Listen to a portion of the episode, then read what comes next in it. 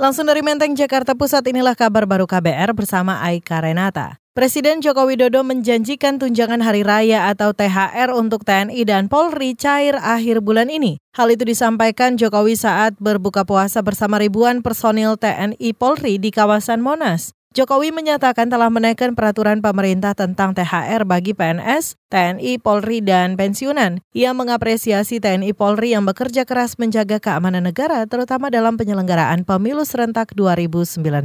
Ah, ini mungkin yang ditunggu-tunggu.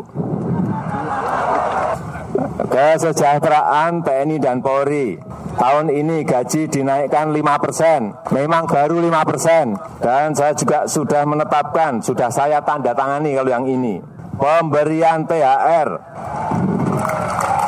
insya Allah dapat diterima di akhir bulan ini, paling lambat. Presiden Jokowi juga menyinggung pencairan gaji ke-13 untuk TNI Polri. Ia berjanji gaji tersebut cair bulan Juli atau bersamaan dengan tahun ajaran baru.